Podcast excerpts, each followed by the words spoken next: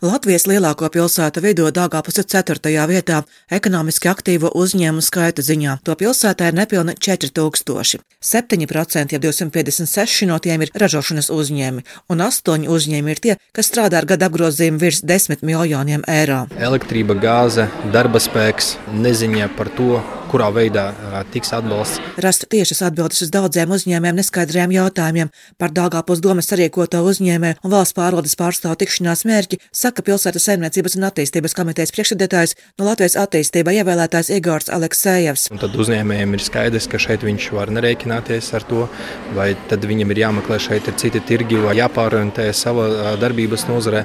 Un šīs atbildes ir diezgan godīgi ir jāpasaka, lai varētu vispār saprast, vai nebūs tā, ka tas valsts atbalsts, tad, kad viņš būs piešķirts, vai uzņēmums vispār spēs pastāvēt tajā brīdī, vai tas nebūs pavēlts. Gāze ir primārais, bez kā savā ražošanā nevar iztikt akcijas sabiedrība Latvijas strādnieks, kas savu preci eksportē uz Baltijas valstīm, Lielbritāniju un Vāciju un dod darbu 338 strādājošajiem, stāsta uzņēmuma finanšu direktors Pāvils Menčikovs. Mums aizvietot viņu ir iespēja tikai ar sašķidrinātu propānu gāzi. Citu variantu nav. Visi degliem nodarbojas ar gāzi. Elektrība mums priekš mums nedara. Mēs eh, laicīgi noslēdzām līgumu, bet viņš tikai ir līdz gada beigām. Arī cenas elektrībai kāpj. Uzņēmums gatavs pāriet uz atjaunojumiem resursiem un gaida valsts atbalstu. Esam eh, gatavi pieslēgties programmai, eh, atjaunojumu enerģiju ražot šeit, bet programmas līdz šim nav atklātas. Altuma iepriekšējie plāni bija 21. gada beigās, šogad 1. ceturksnī, bet līdz šim nav atklātas programmas. Krievijas gāzes nebūs, uzņēmējiem ar to jārēķinās. Skaidru atbildi dot ekonomikas ministrijas parlamentārā sekretāra Ilza Indriksone. Mēs varam respektēt tās valstis, kurām nav izēja uz jūru, nav savas ostas un nav tehniski iespēja ātri pārorientēties uz citiem piegādes tirgiem un gāzes piegādē. Mums ir pieejama sadarbības partneri Lietuvā, Igaunijā, Somijā. Šobrīd ir, manuprāt, svarīgi saprast, ka jo ātrāk mēs pāriesim uz citiem energoresursiem un citiem avotiem, jo labāks rezultāts būs. Latvijas-Krievijas kopu uzņēmums Teks ir viens no tiem, kura būtiski ietekmē ģeopolitiskā situācija, stāsta valdes loceklis Sergejs Gusāravs. Situācija ir būtiski pasliktinājusies, tā kā mēs atrodamies robežas tuvumā. Mūsu biznesa saistīts ar tranzītu, ar piegādēm kā no Ukrainas, tā no Baltkrievijas un Krievijas. Attiecīgi tagad viss ir apstājies. Kopā ar partneriem ražojam betonu, bija piegādes no Baltkrievijas cementrūpnīcas. Diemžēl arī tas ir apstājies.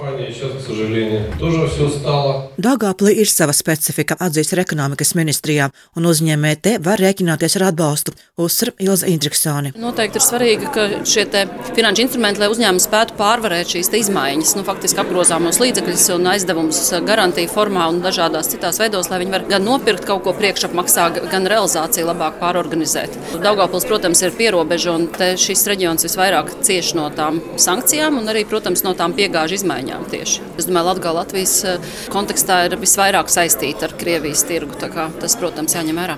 Sankciju dēļ nopietnas problēmas piedzīvos arī telekomunikācijas datu pārādes industriālās automātikas jomā strādājošais SIA SMD Baltica, taču tās radījušas bankas, iesaldējot līdzekļus, turklāt tos, kas nākuši par piegādi no Krievijas vēl pērn, pirms sankcijām stāsta uzņēma pārstāve Svetlana Baltiņa. Mēs nevaram saņemt simtiem tūkstošu eiro. Sankcijas ir pieņemtas, bet bankām nav pateikts, ka tās var ieskaitīt to naudu, kas ienākusi par pārdoto līdz pērnā gada decembrim. Attiecīgi likumdošana nav līdz galam pārdomāta. Mums nācās samazināt strādājošo skaitu. Sankcijas smagi atsaucas uz uzņēmumu. Tagad uzņēmumam jārēķinās ar tiešiem zaudējumiem vai jācer uz naudas atgriešanu vismaz valsts subsīdiju formā. Ārlietu ministrija ir tā, kas koordinē visu sankciju piemērošanu un faktiski Finanšu kapitāla tirgu uzraudzības komisija tad vērtē katru konkrēto situāciju. Ekonomikas ministrijas pārstāve Ilza Indriksona uzsver, uzņēmējiem jāsaprot, ka Latvijas valdība vērtē iespējas atteikties no jau kāda sadarbības ar Krieviju un Baltkrieviju. Tāda sadarbība, kāda tā ir bijusi līdz šim, vairs nebūs, ir šis dzelzs priekškars, un ir jārēķinās, ka tas pastāvēs nevis dažus mēnešus, bet gadiem vai pat gadu desmitiem. Tādēļ jādara viss iespējamais, lai pārorientētos uz citiem tirgiem, piegāžu ķēdēm un energoresursiem. Tas ir galvenais atzinums uzņēmējiem, saka Dāngāpils domas pārstāvis Igors Aleksejevs, kurš reizē arī uzņēma Limbažu piens vadītājs. Ir skaidrs, ka ir vairākas lietas, kur ir skaidri gaiši pateikts, nevar vērts. Tas nozīmē to, ka man kā uzņēmuma vadītājiem ir jāsaprot, ka jāporientējas uz citiem tirgus segmentiem un pastāvēs tas, kas mainīsies. Uz galvenajiem jautājumiem atbildes nesaņemu līdz galam. Latvijas maiznieks finanšu direktors Pāvils Menčikovs uz nākotni raugās bažīgi. Protams, ka mēs turpināsim ražot, ja būs gāze un visu sadardzinājumu paliksim uz patratēja pleciem. Tur variantu nav. Mēs esam biznesmeni. Un te jādomā, kā šajā mainīgajā situācijā pasargāt iedzīvotājs no cenu kāpuma, kas neizbēgami būs, un uzņēmuma piedāvājums, kas izskanēja Daugāplī, ir samazināt PVN likmi pirmās nepieciešamības pārtikas precēm līdz 5%. Silvijas Magra, Latvijas radio studijā Latgalē.